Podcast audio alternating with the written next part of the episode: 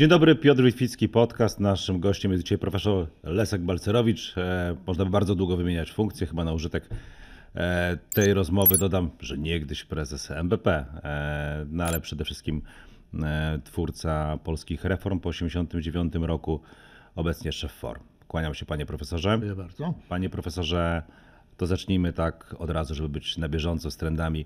Mieszkanie jest towarem czy prawem? No towar się wiąże z kupnem i sprzedażą, tak? Jeżeli się mówi, że coś nie jest towarem, a jest potrzebne, no to ktoś musi przydzielać i rozdzielać. No to jest PRL, bo w PRL-u przecież e, był bardzo ograniczony rynek, w tym mieszkań i większość e, mieszkań była przydzielona w trybie nierynkowym, często e, politycznym, więc ci, którzy operują tym sloganem, to w gruncie rzeczy, chcąc nie chcąc, może nie wiedzą, oni proponują powrót do PRL-u. No tak, ale oni mówią trochę co innego. To znaczy oni mówią, że. I oni mówią profesor... to samo, tylko innym językiem. E, no ale oni podają inne przykłady. Mówią tak. chociażby o Austrii, mówią o tym, że tam jednak państwo bardzo mocno jest włączone w ten proces tego, by wspierać e, ludzi e, w tym, żeby znaleźli sobie ten dach nad głową i że no, to, to nie, nie musi być koniecznie PRL czy inna Kuba, tak? Proszę pana, ale to trzeba zawsze patrzeć o konkrety, ich opyta konkrety. Poza tym słowo wspierać to jest bardzo podejrzane w tym sensie, że ono często używane jest do tego, żeby jednym ludziom zabierać pieniądze i drugim rozdawać, jak to rozdaje. No, polityce władzy. Bardzo ważna moim zdaniem jest demaskacja. E, w gruncie rzeczy takich bardzo naciąganych rzeczy, bo na przykład ci, którzy się powołują na Austrię, oni powinni podać jakieś konkrety. Jaki procent e, mieszkań jest budowanych i kupowanych w trybie rynkowym, a jaki jest y, w trybie nierynkowym. Wtedy może być poważna dyskusja. Inaczej to jest wprowadzanie potencjalne czy faktyczne wprowadzanie w błąd. To nie jest żadna, moim zdaniem, publicystyka. Mhm. A co zrobić z tym problemem, który rzeczywiście dotyczy dzisiaj e, młodych? To znaczy to, że w zasadzie kupienie przez kogoś, kto rozpoczyna taką E, pracę w granicach nawet powiedzmy średniej krajowej, a przecież taka, mm, z taką pewnie pracą się nie zaczyna od razu. No, w większych miastach graniczy z cudem. W zasadzie jest niemożliwe w jakiejkolwiek perspektywie mm, e, czasu. Myślę, że stąd bierze się też ta frustracja i szukanie innych. Nie, moim zdaniem ona się bierze, znaczy mierzy z demagogii rozmaitych populistycznych polityków. Nie możemy sobie wymienić 10 problemów, które, których rozwiązaniem nie jest to, żeby zabierać jednym, dawać drugim, tylko rozwiązaniem ogromnej większości problemów związanych ze standardem życia to jest rozwój gospodarki, który sprawia, że y, ludzie dostają dzięki lepszej pracy więcej realnych pieniędzy. My od 1989 y, roku zwiększyliśmy dzięki reformom rozmiary naszego PKB trzy razy. To nie znaczy, że to jest wystarczające, ale to znaczy, że dzięki temu nie jesteśmy na przykład, nie wiem, Białorusią, czy jeszcze w gorszym położeniu. Także moim zdaniem trzeba się zdecydowanie przeciwstawiać na gruncie intelektualnym różnym propozycjom, których, to za którymi nie ma żadnych porównań, żadnych konkretów, a są rozmaite słówka typu czułe słówka, tak, wzbierać tych, albo e, agresywne słówka. Dla tych młodych e, ludzi no to jest dość konkretna sytuacja e, życiowa i oni żyją w takim poczuciu, że trochę pokolenie, to przed nimi pokolenie ich rodziców, to zresztą, rodziców, e, to zresztą pewnie jest też mm, takie przekonanie, które gdzieś funkcjonuje w Hiszpanii czy we Włoszech, e, no było po prostu łatwiej.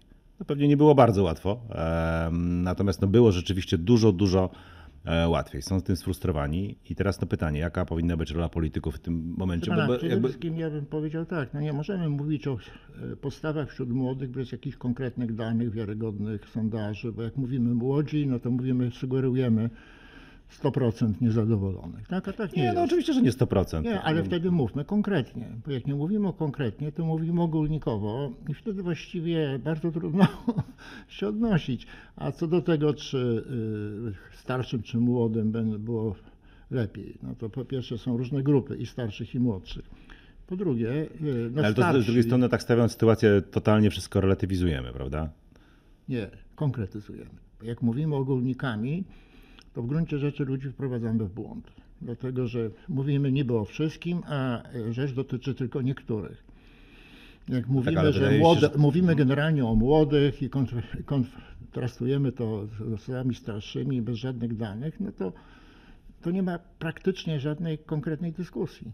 No wydaje mi się, że bezrobocie u młodych no to jest coś, co w jakimś tam stopniu narasta, choć relatywnie dobrze jest Nie akurat w narasta. naszym kraju dzisiaj e, z bezrobociem. W Europie jest inaczej, we wspomnianej Hiszpanii niż we Włoszech, ale e, chodzi mi o coś innego. Sam pan profesor gdzieś tam na, w mediach społecznościowych trochę jakby pewnie pośrednio, ale jednak narzeka na ten wzrost nastrojów e, lewicowych.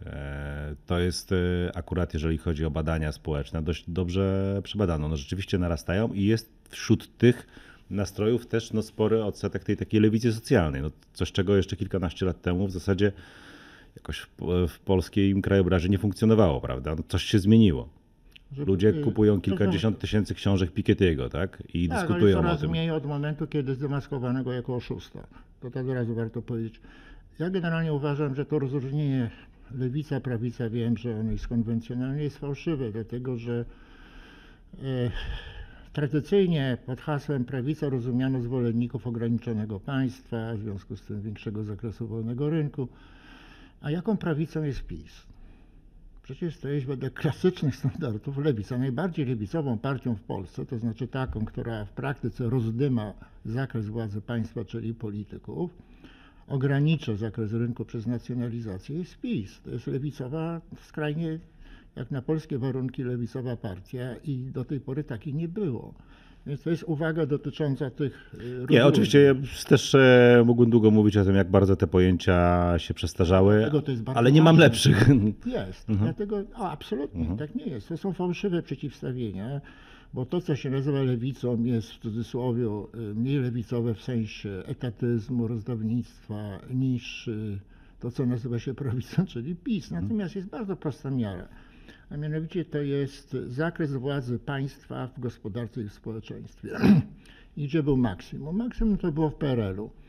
Prawda? Y, właści- bo była totalna własność państwowa, w związku z tym musiała być i była dyktatura i to było. I my odeszliśmy od tego antywolnościowego ustroju, dzięki po pierwsze y, odpaństwowienia gospodarki, bo państwowa gospodarka to jest władza polityków, oraz dzięki wprowadzeniu podziału władz.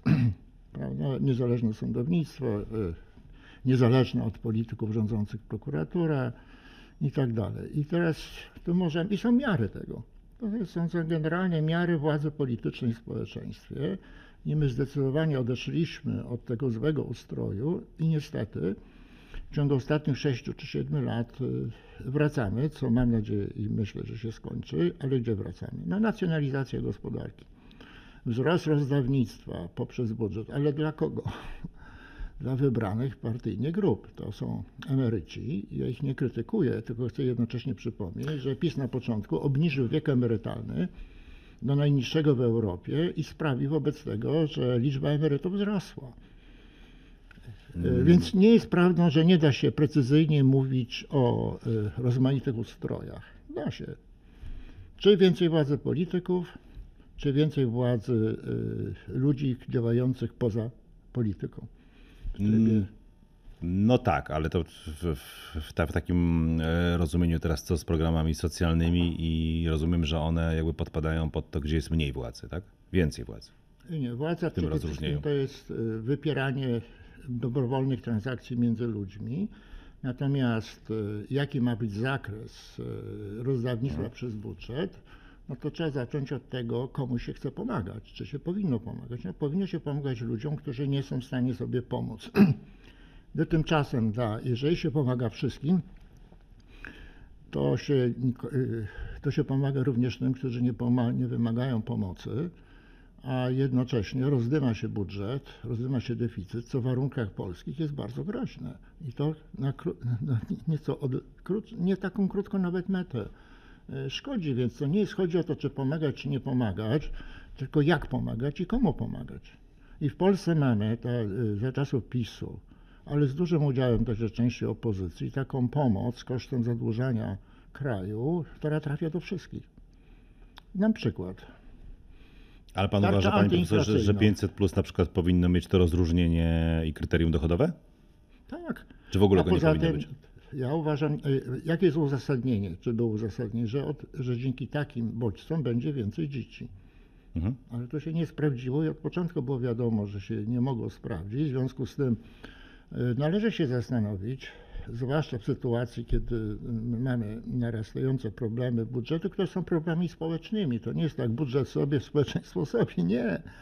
Y, Co z tym programem zrobić? Ale generalnie jestem zdania, że trzeba zrobić całościowy rachunek nadchodzącej sytuacji, jak, ile wynoszą wydatki, ile wynoszą dochody z podatków, jak narasta deficyt, ile płaci, jak zwiększa się dług publiczny, ile płacimy za zaciąganie, to znaczy rząd, i następnie powiedzieć, co z tym zrobić, żeby nie brnąć e, w kryzys No to co należałoby zrobić, panie profesorze? To, to, jak pan mnie zaprosi na dyskusję, na całościowy Pana rachunek, zawsze zapraszam, proszę. nie, ale wtedy się umówimy, to ja się mogę do tego przygotować. Ja na razie mogę tylko Pan powiedzieć. profesor całe życie się przygotowuje do tego. Tak, ale trzeba, ja nie jestem takim osobą, która ma, y, który wszystko pamięta, się.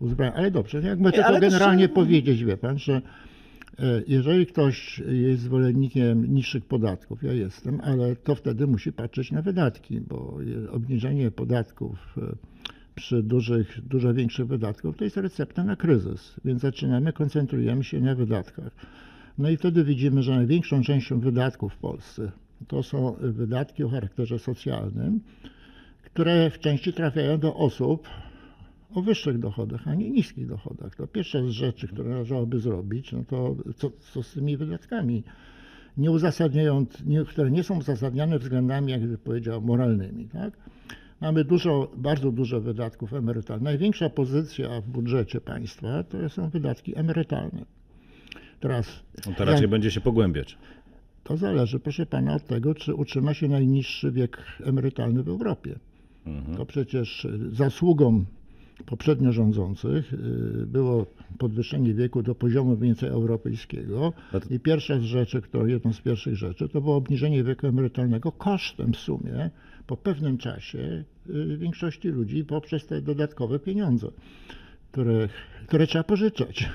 Więc y, dobre, można zrobić i zrobimy na pewno taką innymi porządną analizę pokazującą, gdzie należałoby i można by ograniczyć wydatki. No i jeżeli z tego wyjdzie, że należy jednak podatki podwyższać, bo same ograniczenia wydatków nie zredukują deficytu, no to trzeba się zastanowić nad podwyżką podatków. Ale najmniej szkodliwe podatki to są podatki pośrednie czyli najmniej szkodliwe, proste, VAT, akcyza. Panie profesorze, pan mówił o tym rosnącym od e, dekad e, polskim PKB, które z pewnością jest e, sukcesem, jednocześnie prawdopodobnie e, jeśli PiS doszedł z jakiegoś powodu do władzy, to z jednej strony była właśnie ta podwyżka mm, wieku emerytalnego przez poprzedników. E, To jedna przyczyna. Druga, taka powiedziałbym, bardziej należałoby to potraktować mm, no może natury ogólnej, ale myślę, że to odzwierciedlało pewne nastroje społeczne, no to było to, że to rosnące PKB no nie miało trochę odzwierciedlenia w kieszeniach części społeczeństwa. E, Oni czuli, e, że to PKB rośnie, widzieli to w informacjach kolejnych, a nie odczuwali, że jakoś z tego powodu żyje im się lepiej stąd narodziła się zapewne frustracja również. E, to ogólne, ja panu powiem, dlatego są precyzyjne analizy splotu przyczyn, które łącznie doprowadziły do zwycięstwa PiSu. I y, jedna to rzeczywiście, y, ruch, jeżeli chodzi o podwyższenie emerytur, był słuszny, ale on nie był przygotowany w takim sensie, że nie poprzedzony kampanią obywatelską, edukacyjną. Po drugie, y, Donald Tusk, który był niekwestionowanym przywódcą Platformy, zdecydował się wyjechać do Brukseli i zostawił następczynię, która nie była w stanie go zastąpić, to z całą pewnością było. Po trzecie, było mnóstwo kłamliwej demagogii, jeżeli chodzi o e, kampanię, e, kampanię pisowską. No i tam parę jeszcze innych przyczyn można wymienić, więc na pewno nie ma jednej, która byłaby. Nie, co jasne, do tej, nie, ale wiem, co do tej frustracji, no to trzeba by zobaczyć też na badania, bo wiemy, że w każdym społeczeństwie, nawet najbogatszych, jest osób, które, s- jest ileś osób, które z takich czy innych powodów są sfrustrowane, więc trzeba by zobaczyć, czy te rozmiary były jakieś znacząco wyższe wedle wiarygodnych badań i czy można uznać to za istotną No przyczynę. jasne, ale czy jest bardziej A jeszcze jedno wiarygodne, wiarygodne pan, pytanie no, niż wynik wyborów? O co chodzi? Czy jest bardziej wiarygodne pytanie Nie, niż ja- wynik wyborów? Proszę pana, ja o tym mówię, chodzi o wyjaśnienie tego zjawiska. I nie można powiedzieć, że ponieważ PiS wygrał wybory, to znaczy, że było za dużo ludzi sfrustrowanych. No ale chyba też nie można powiedzieć, że wszyscy byli tak szczęśliwi w związku z tym, co robiła Platforma, że aż wygrał PiS. Ale ja panu powiedziałem, jakie są analizy, przyczyny, które wynikają z wcześniejszych analiz, więc y, może powiedzmy, że to Okej. nie wyni- ta, ta zmiana polityczna nie wynikała nagle z gwałtownego wzrostu frustracji, który zapanował w Polsce, tylko paru różnych przyczyn, w części takich, które nie musiały się zdarzyć. A po drugie, jeżeli mówimy, że ilość osób jest frustrowanych i tak dalej, no to musimy to porównać w czasie i z innymi krajami. I też jeżeli mówimy, że w Polsce, prawda, ileś osób y, odczuwało, że mają za niskie dochody, to jest naturalne, ale to też trzeba porównać, jakie mamy y, różnice w y, rozpiętości dochodów. I one w Polsce nie są rekordowo wysokie. One są mniej więcej takie jak średnio na poziomie OECD w Europie. Mhm, No pytanie, czy to minimalne mm, wynagrodzenie no, pozwalało na to, żeby poradzić sobie w ówczesnej rzeczywistości, bo chyba o to tak na dobrą sprawę się pana, Jak jest minimalne wynagrodzenie, to zależy od tego, jaki jest w ogóle standard życia w kraju. Po drugie, my mamy też, naj, najlepiej jest, jeżeli y, ludzie dzięki wzrostowi kwalifikacji i rosnącej gospodarce przede wszystkim podwyższają swoje płace. I wreszcie wiemy, że są pewne, przy każdej danej sytuacji gospodarczej jest jakiś poziom minimalnego wynagrodzenia, który sprawi, którego przekroczenie sprawi, że nie będzie pracy. Bo pr, prywatnie pracodawca No, ale to wydaje mi się, że w okolicach 2014-2015 roku, roku byliśmy bardzo daleko od tego poziomu. Wie pan, nie. A skąd pan wie, że tak było? No dlatego, że podwyższano to wynagrodzenie i było ewidentne to, że wszystkie te pieniądze z podwyższania minimalnego wynagrodzenia szły prosto w konsumpcję, więc raczej napędzały gospodarkę. Nie, nie, ale mi chodzi o to, że skąd pan może powiedzieć, że. No, pan w tej chwili mówi o czymś innym. Pan mówi o tym, że pana zdaniem, bo nie ma pan danych przecież, Ale nie, no to z przecież- tego minimalnego wynagrodzenia nie oszczędzano, albo nikt nie oszczędza. No to trzeba by zobaczyć. Ja nie twierdzę, że tam na pewno były duże oszczędności, ale bez zapoznania się z danymi nie Znaczy, Ja znam, się. ja znam wasze analizy foru e, No. odnośnie podwyżki płacy minimalnej z tamtego okresu i wieszczyliście, że e, jej podwyższanie no, doprowadzi do katastrofy gospodarczej. Nie, nie, nie, przepraszam bardzo. Nie używaliśmy słowa katastrofa No, gospodarcza. okej. Proszę nie przypisywać nam takich tez. Dobrze, to, A to po drugie, po drugie, y, y, zadaniem nie byliście jej zwolennikami. Mi, nie, przepraszam bardzo. Zadaniem i czy misją think tanków jest ostrzeganie przed czymś. Po to, żeby to nie nastąpiło. Okej, na tym ale no polega to, to, rola, nastąp, mm, to ostrzegaliście przed czymś, co nastąpiło, no i te skutki negatywne nie nastąpiły. Nie, proszę pana, ja musiałbym zapoznać, czy y, my powiedzieliśmy potem, że czy przekroczono, czy nie. W tej chwili nie pamiętam, ale prosiłbym, żeby pan nie głosił takich tez. Bez zapoznania się z naszymi dokumentami. nie, czytałem te raporty wtedy. One dobra, zresztą ale- były dość szeroko e, komentowane. Nie no, wydaje mi się, że no możemy oczywiście po, po, pogłębić to kolejnymi analizami i tam się nimi powymieniać, tylko to, że podwyższano wynagrodzenie minimalne i to, że raczej napędzało to gospodarkę w tym okresie, no to jest jasne, no bo to... Żadne wynagrodzenie minimalne nie napędza generalnie gospodarki. Napę- Gospodarkę po- napędzają produktywne inwestycje, rosnące zatrudnienie oraz przede wszystkim innowacje. A nie to, gdyby można było gospodarkę Nie, no to jest napę- oczywiście jasne. Pana, gdyby gospodarkę można było napędzić zwiększaniem płacy minimalnej czy innymi świadczeniami, to byśmy mieli w świecie same kraje bogate. Okej, to, jest, e, to jest jasne, że najważniejsze są innowacje, to jest najważniejsze, o czym pan profesor Które nie mówił. istnieją Natomiast bez e, prywatno-rynkowej nie, o, oczywiście, oczywiście, to w ogóle jakby o to nie zamierzamy się zapewne spierać, natomiast wspieramy się bardziej o to, czy to minimalne wynagrodzenie wtedy, choć nie wiem, czy już nasz spór obecnie nie jest takim No folklorystycznym trochę, i dla, ale, ale już jakby kończąc, czy, czy, czy ówczesne podwyższanie w tym czasie płacy minimalnej em, sprawiło jakąś szkodę gospodarce, czy nie? No, w moim odczuciu, na podstawie no, po prostu danych gospodarczych, które pamiętam z tego okresu, no, wydaje mi się, że raczej napędziło w tym czasie raczej konsumpcję. No, krzywdy tam raz. specjalnej nie zrobiło. No. Gospodarki nie napędzamy w sensie wzrostu gospodarczego i to, i to uważam, że jest bardzo ważne przez jakiekolwiek dodatkowe świadczenia. Ona zależy przede wszystkim, przepraszam, że powtarzam, od ustroju gospodarczego, czy jest taki, który, dzięki któremu mamy dużo konkurencji, dużo innowacji i tak dalej. A co do płacy minimalnej tego epizodu, to zostawmy, bo to da, da się wyjaśnić. Panie profesorze, chciałem e, wrócić do tego, od czego zacząłem naszą rozmowę, tylko nam to umknęło. E, Pewnie też z tymi danymi może być tutaj różnie, ale pan e, dyskutuje często w mediach społecznościowych. E, Wiem, że też w Forze się tym zajmowaliście. Jaka jest pana ocena mm, tego młodego pokolenia, które wchodzi dzisiaj na rynek pracy?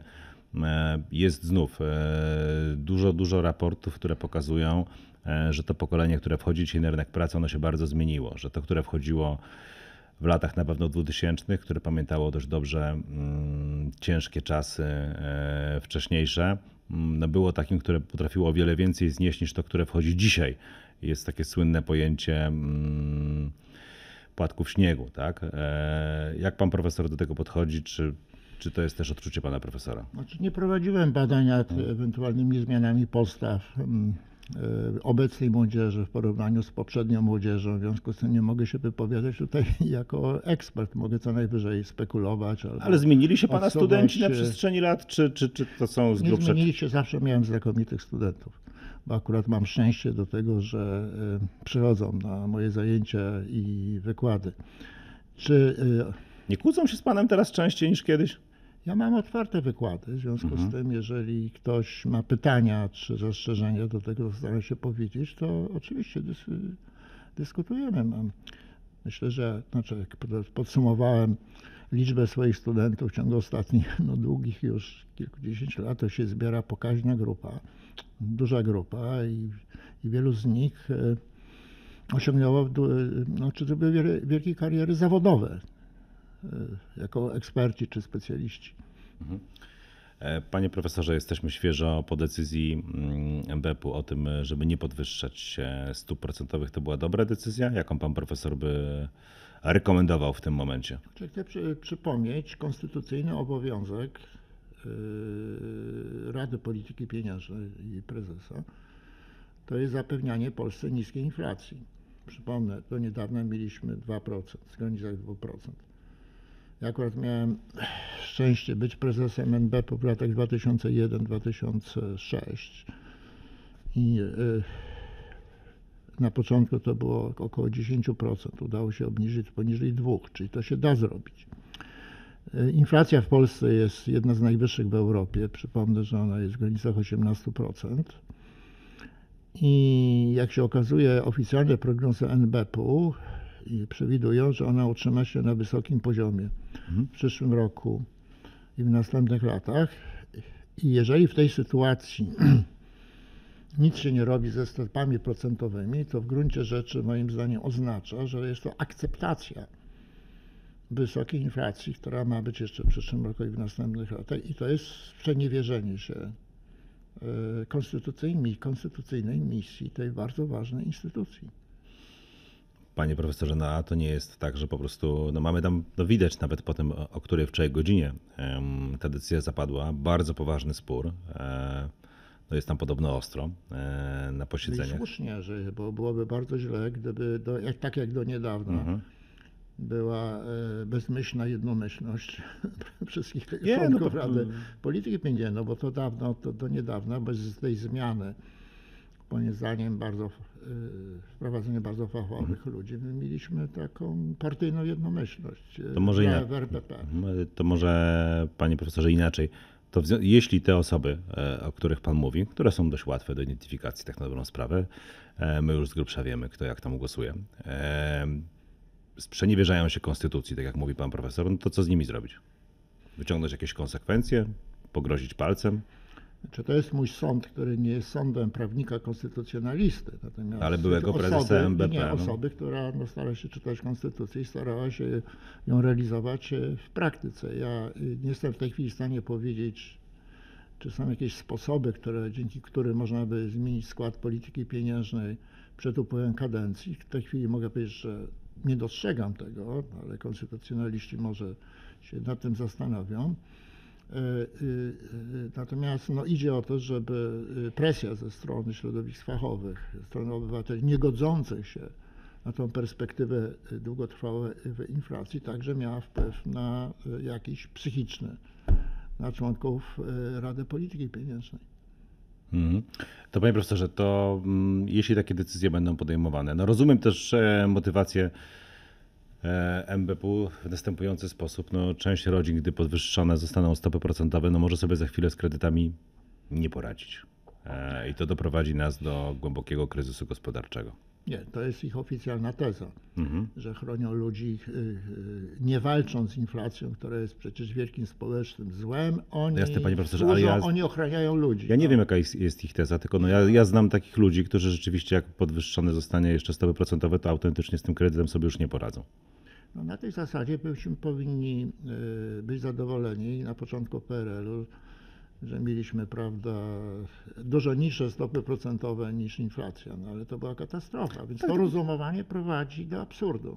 Ale to, no w sumie nie interesuje mnie już, co tam było w PRL-u, jakie Ale to istotne, tylko dlatego mhm. że to była taka sytuacja, skrajna oczywiście, y, która w nie takim natężeniu występuje obecnie. Mamy stopy procentowe o wiele niższe niż inflacja, a na dodatek oficjalne prognozy inflacji przewidują, że ona będzie wolno spadać. I mamy, y, I mamy do czynienia z utrzymaniem tych y, stóp procentowych. Bo gdyby było tak, że oni mówią, mamy y, takie, a nie inne stopy procentowe, one są znacznie niższe niż w tej chwili inflacja, ale ta inflacja będzie szybko spadać. No i gdyby uzasadnili, że będzie szybko spadać, no to wtedy można by, myślę, po sprawdzeniu tego rozumowania się z nim zgodzić. Ale my mamy coś, powtarzam, mamy y, stopy procentowe znacznie niższe, o wiele niższe niż oficjalna inflacja i jednocześnie prognozy, że inflacja będzie wolno spadać. Czyli co, pan profesor by w takim momencie rekomendował radykalną podwyżkę stóp Nie wiem, procentowych? czy radykalną, ale na pewno bym y, starał się uzyskać opinię fachowców, jaka będzie ścieżka inflacji w zależności od tego, jak będziemy podwyższać stopy procentowe. Bo wtedy jest wybór. No ale to, to jest chyba sytuacja wyobrażalna. No i pytanie też, e, panie profesorze, to co robić e, w sytuacji takiego, mm, takiej dwudecyzyjności, powiedziałbym. To znaczy, że z jednej strony po co podwyższać, tak e, trochę prowokacyjnie zapytam, no ale w sumie z drugiej strony, po co podwyższać stopy procentowe, jak z drugiej strony rząd dolewa tych pieniędzy do rynku? No to bardzo No to istotne, jest, to jest bardzo w sumie- pytanie.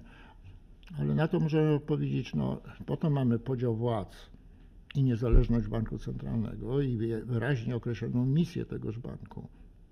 O, on odpowiada za inflację. Mówię Rada Polityki Pieniężnej, ok?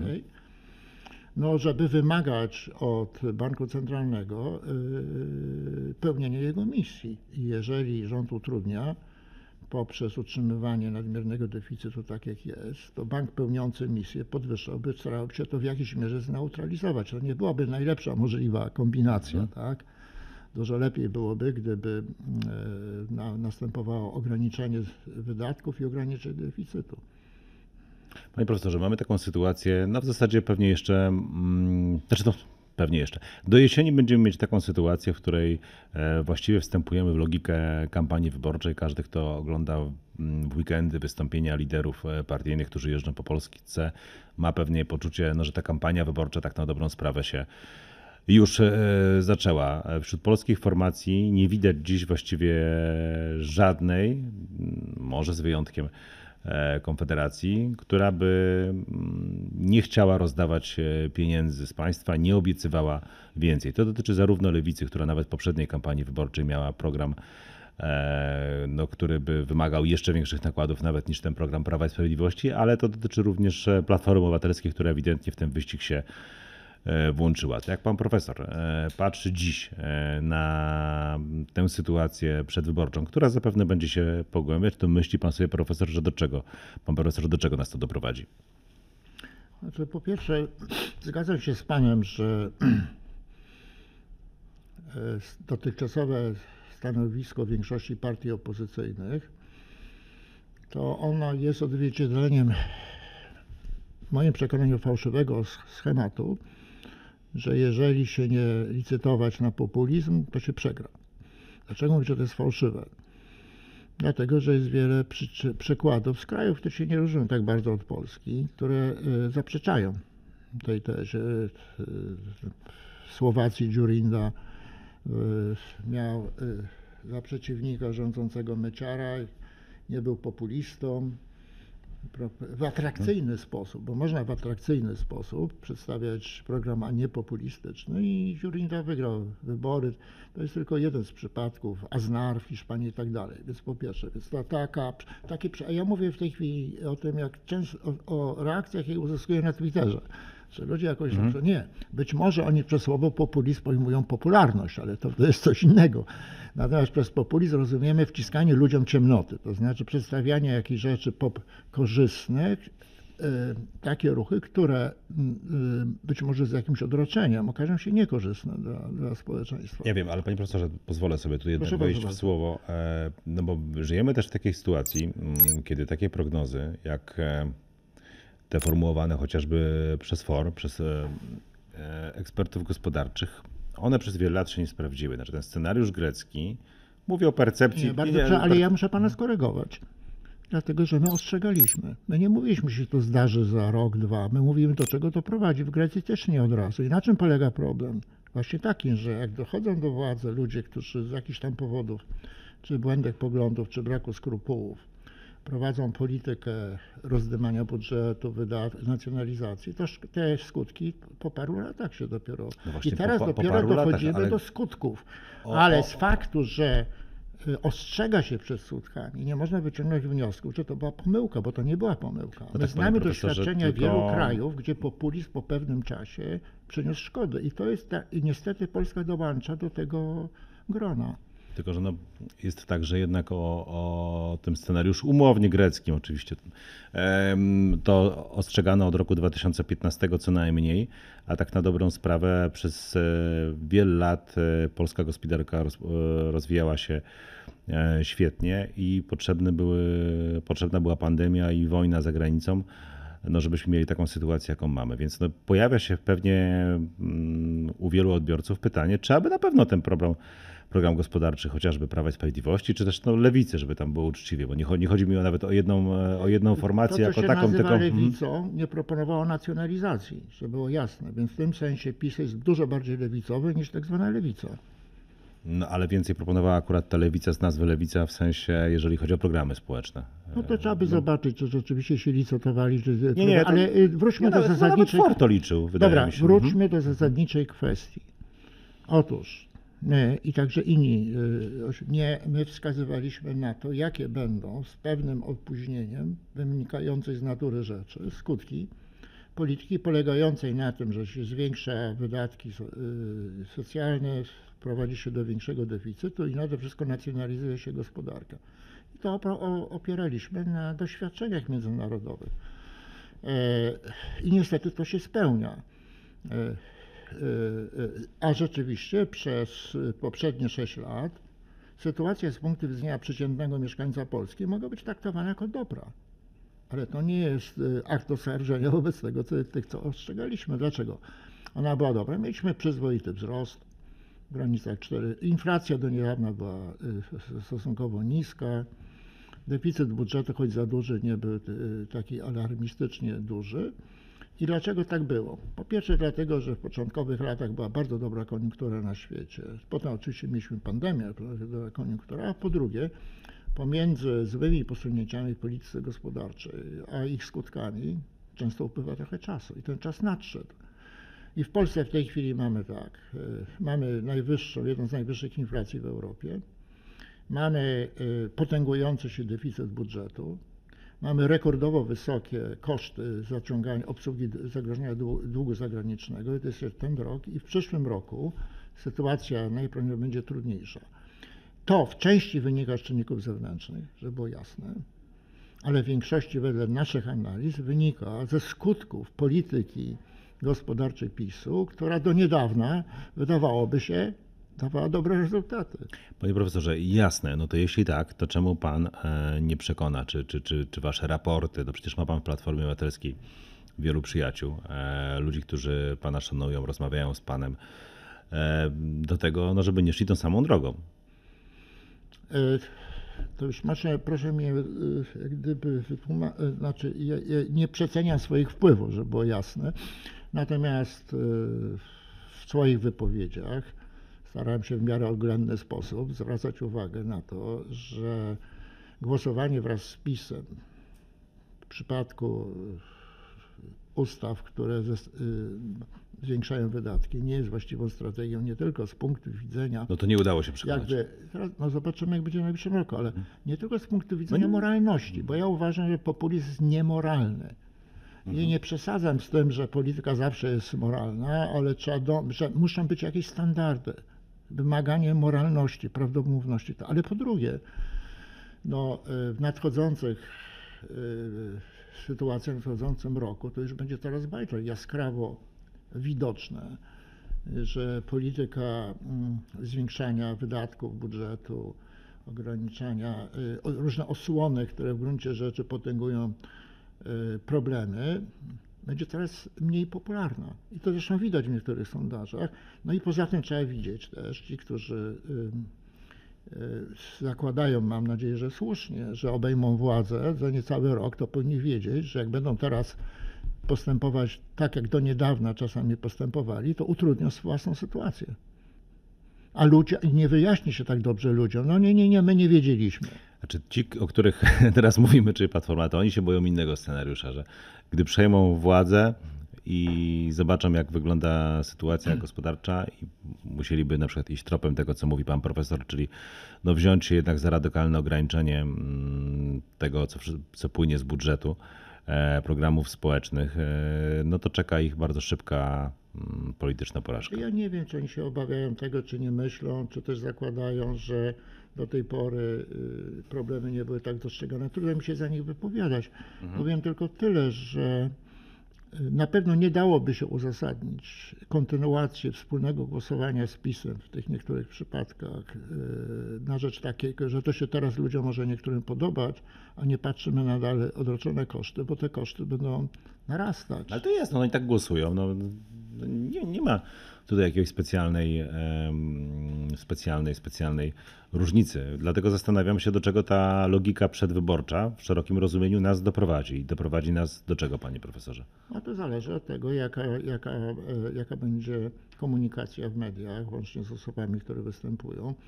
Bo przecież politycy w warunkach, kiedy media nie są całkiem państwowe, no, na ogół y, starają się wsłuchiwać w to, więc ja nie traktuję to jako rzecz z góry przesądzoną.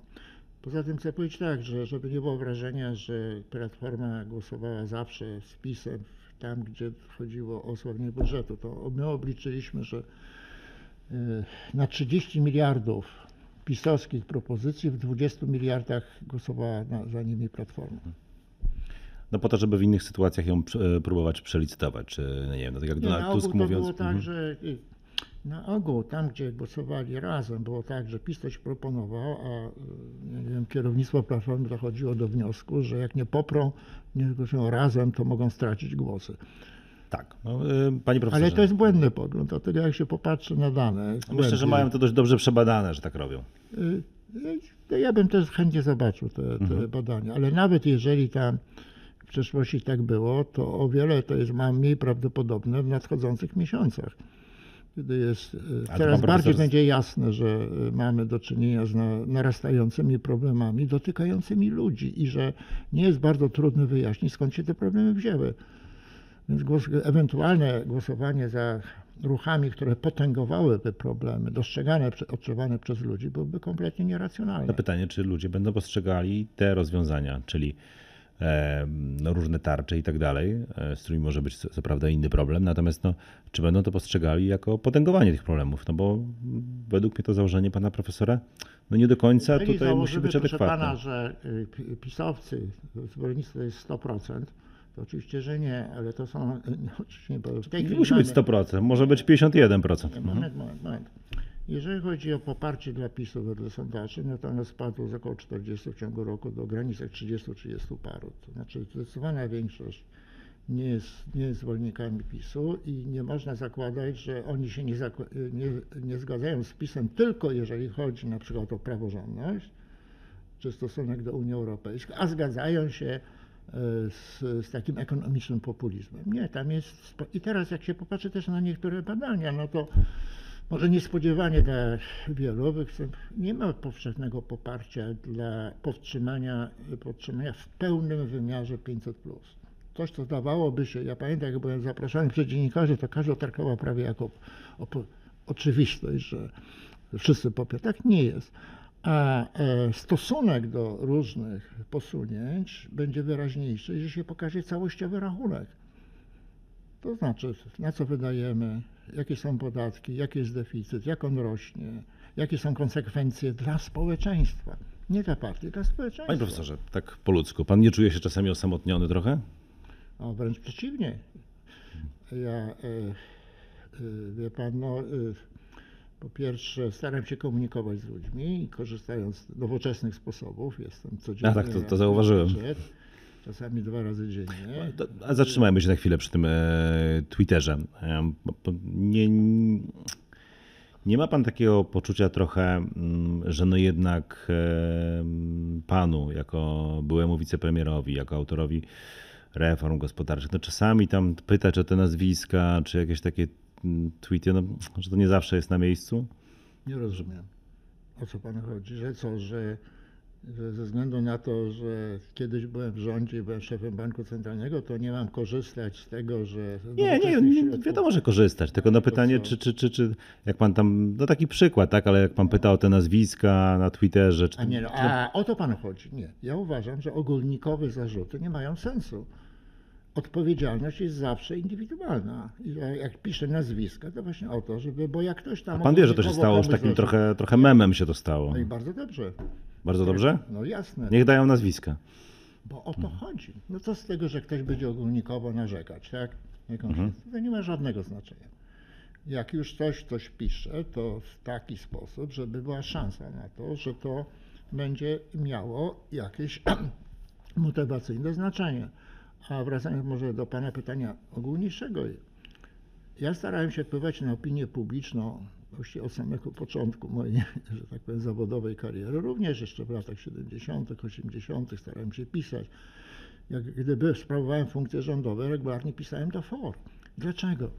Dlatego, że ostatecznie to w jakim kraju pójdzie, jak, jak w jakim kierunku pójdzie kraj, w warunkach, kiedy jest demokracja, to zależy od rozkładu opinii publicznej, więc trzeba się starać y, y, na tą opinię przy pomocy no, fachowej, ja mam nadzieję, informacji wpływać. I No to ja wiem, robię, tylko że- i że- robię przez kilkadziesiąt lat. No tu rzeczywiście nie można odmówić panu profesorowi konsekwencji. E, natomiast no, py, py, to pytanie, połączenie tych dwóch wątków z, wątkiem, z wątkiem o samotności pana profesora, bo jak tak bym pomyślał o pana poglądach e, i tym, o czym pan pisze, e, teraz będziemy się trochę spierać, no ale okej, e, niech tak będzie, trzeba się bić, tak, e, to pewnie najbliższa panu dzisiaj jest, no, okej, e, najbliższa panu jest Konfederacja. I O co chodzi? O ich te wszystkie poglądy? Czy Nie, wiadomo, że nie wszystkie poglądy, mówię o właśnie. gospodarce. No, Wie pan co, może być tak, że ktoś się zgadza w jednym zakresie, zasadniczo nie zgadza się w jednym No, ale to jest chyba dla pana profesora Tak. najważniejsze, temu poświęca pan najwięcej Dla czasu. mnie istotne jest przede wszystkim państwo prawa, praworządność, które nie istnieje bez rozległej wolności gospodarczej. Tak? A sojuszników do tego sobie dobieram. To jest moja, y, y, to, to jest akurat y, moja prerogatywa. Natomiast jeżeli z pewnych środowisk wychodzą głosy wolnościowe, które nie są połączone z czymś, z czym się nie można zgodzić, to tym lepiej. No dobra, a to co pan właściwie tak sądzi o tych korwinistach? Ja znałem Korwina Mikke w latach 70., jeszcze 80. i to był inny człowiek. Ja nawet byliśmy w dobrych stosunkach, no potem, jakby to powiedzieć delikatnie, no, przeżył taką ewolucję, taką ewolucję, no, z którym już trudno byłoby mi się zgodzić. Bardziej mam na myśli to, bo tam sam Korwin nie jest to taki interesujący, bardziej mnie interesuje ten taki trend, że młodzi ludzie, którzy załapują się na wolny rynek, na sen, tak, od e, Pucybuta do milionera, którzy czytają nie wiem, Friedmana i, i po prostu bardzo ich to interesuje, to ich naturalną drogą no, jest e, gdzieś tam zafascynowanie potem mm, ideami mm, Korwina Mikke. E, Taka polityczna droga. No to jest taki mm, trend, który się obserwuje w zasadzie od lat. E, Pan profesor powie, jakie są badania. No badania są takie na przykład, że w każdym liceum e, Korwin od lat wygrywa wszystkie wybory, tak?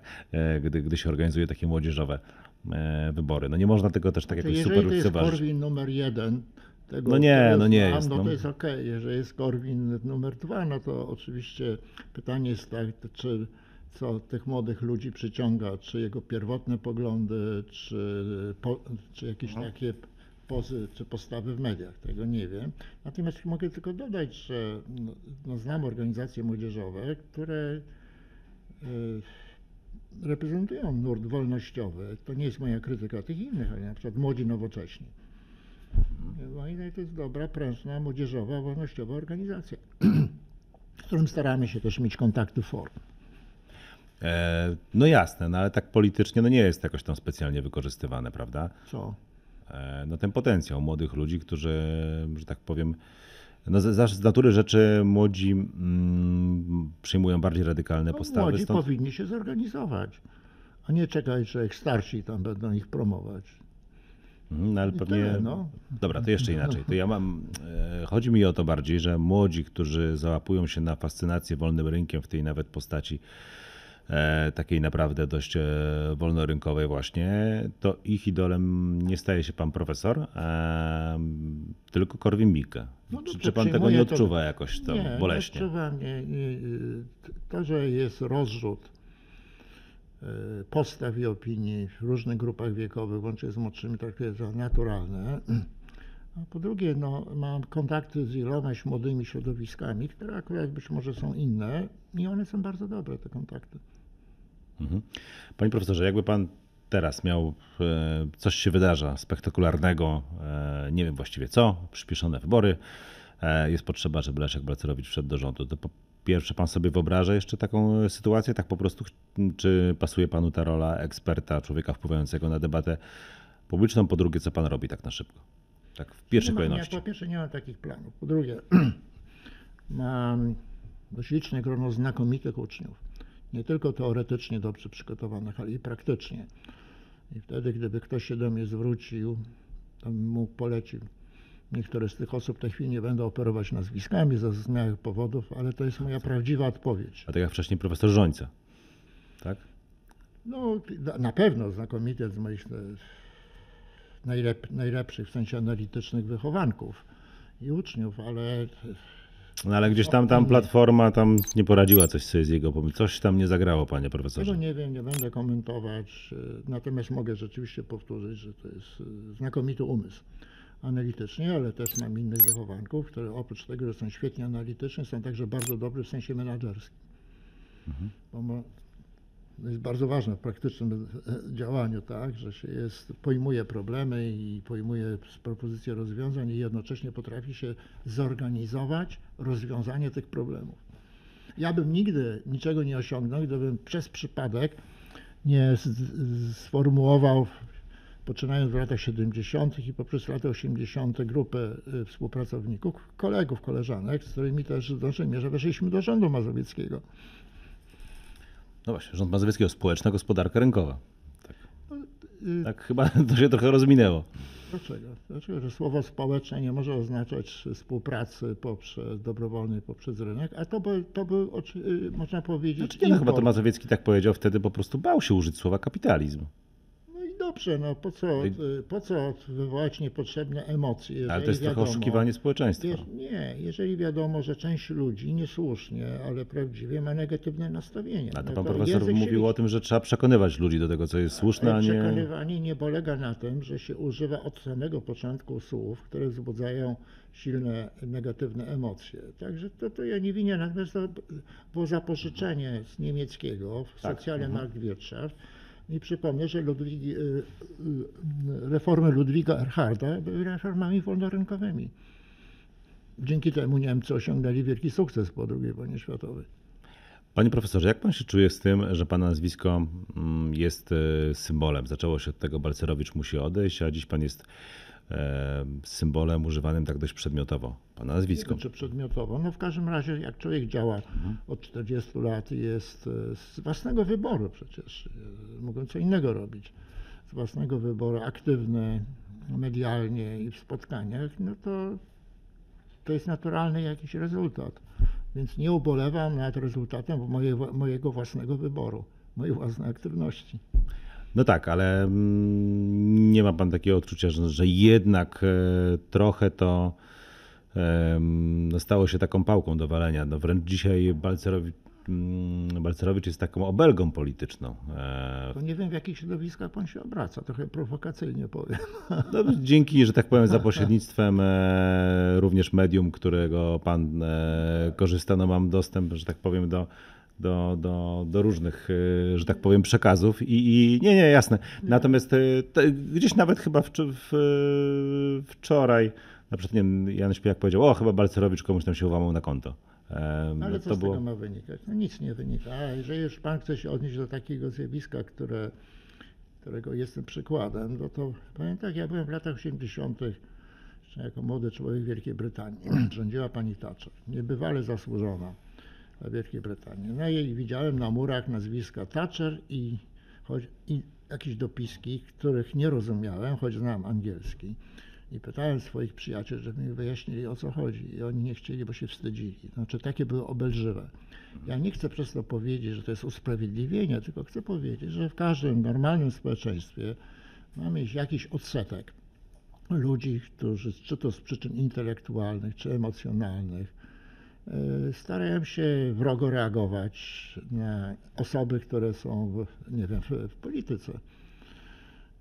No i tyle mogę powiedzieć. Z tego powodu nie będę z, tak, z takiego faktu wyciągał jakichś. Co innego jest wniosków. reagować wrogo na kogoś, kto jest w polityce, kto jest, nie wiem, e, liderem Unii Wolności i tak dalej, a co innego jest stać się żywą legendą, symbolem, tak? Co innego, gdy nazwisko staje No, się, że tak powiem, obelgą. To, Mhm. samo, tak. Również po tym, jak e, skończyła swoją karierę, prawda, po 11 latach, stała się symbolem. No i co dalej?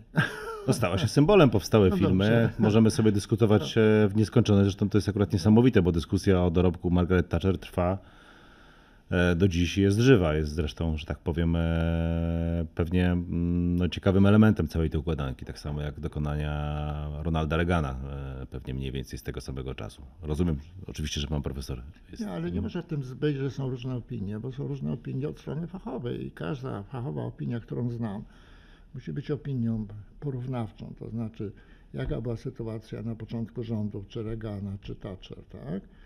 Co oni wprowadzili, jakie były rezultaty, czy alternatywny program, który proponowali krytycy, dałby gorsze czy lepsze rezultaty. Te analizy, które ja znam, a czytam, powiedzmy fachowe analizy, pokazują, że oni, zarówno Reagan, jak i Thatcher, wyprowadzili kraje, te kraje z poważnych problemów. Panie profesorze, pan zawsze mówi o fachowych analizach, zasłania się pewną liczbą Nie raportów. ale- zasłaniam się nie, tylko nie, przytaczem. Ale w sytuacji ministra finansów, który tak radykalnie reformuje gospodarkę, który ma protesty u siebie przed e, budynkiem ministerstwa, no ni- nie, nie robi to na panu żadnego wrażenia. Nie miał pan takiego momentu załamania, kiedy pomyślał sobie, przeprowadzili kozę. Jeżeli ktoś zna świat, a trzeba znać świat, trzeba porównywać, to musi wiedzieć, co jest wyjątkowe, a co jest w miarę typowe w określonych sytuacjach. I w każdej sytuacji, którą znam, kraju, który był na progu czy, czy miał w toku kryzysu, e, gdy wprowadzono e, reformy czy środki zaradcze, to jakieś grupy, ja ich nie potępiam, tylko mówię o nich, protestowały. Tyle. no ale pan profesor e, tak mówi czasami jak robot w zasadzie. Dlaczego pan tak określa? Ja mówię panu, ja na podstawie, jako żywy człowiek, na podstawie swojej znajomości i dość różnych doświadczeń. No tak, a ja, a ja staram się wydobyć e, od pana profesora ten taki odruch, e, kiedy no rzeczywiście, no ja rozumiem, że na podstawie danych podejmował pan decyzje, że dane, które przychodziły potem, okazywało się, że to, co przyniosło e, w opinii tych ekspertów, z którymi pan rozmawiał, więcej dobrego niż złego. W ogóle tego nie neguję. Natomiast no, gdy stawiano pana profesora naprzeciwko tych PGR-ów, no jakiejś tam jednak prawdziwej ludzkiej krzywdy, która tam Proszę miała miejsce, to, to ludzką, tak... nie, przepraszam bardzo. to Prawdziwą nie ludzką pan- krzywdą byłoby utrzymanie PRL-u, których główną częścią były PGR-y.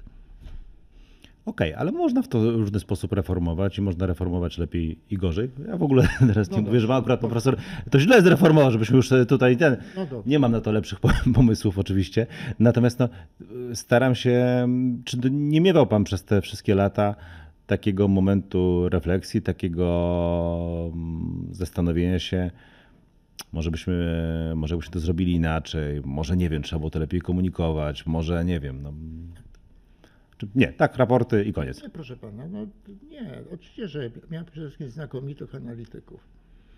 Ja tego nie y, analizowałem sam i bez zespołu świetnych ludzi w ogóle bym nie wszedł do polityki, tak? I mieliśmy rozmaite dyskusje dotyczące y, konkretów polityki gospodarczej, ale z tych dyskusji, a także z innych analiz spoza naszego zespołu nie wynikało, że w takich warunkach, jakie były w Polsce po socjalizmie, czyli katastrofalnych, były zdecydowanie lepsze, a jednocześnie bardziej popularne programy. No, nie znajdowaliśmy tego i do tej pory pan nie znajdzie, moim zdaniem. Chciałem jeszcze zapytać o jedną e, rzecz, tak na sprawę, odnośnie właśnie reform e, i tego, jak wyglądała pewnie końcówka roku 89, panie profesorze, bo narosło wiele mitów wo- wokół tego.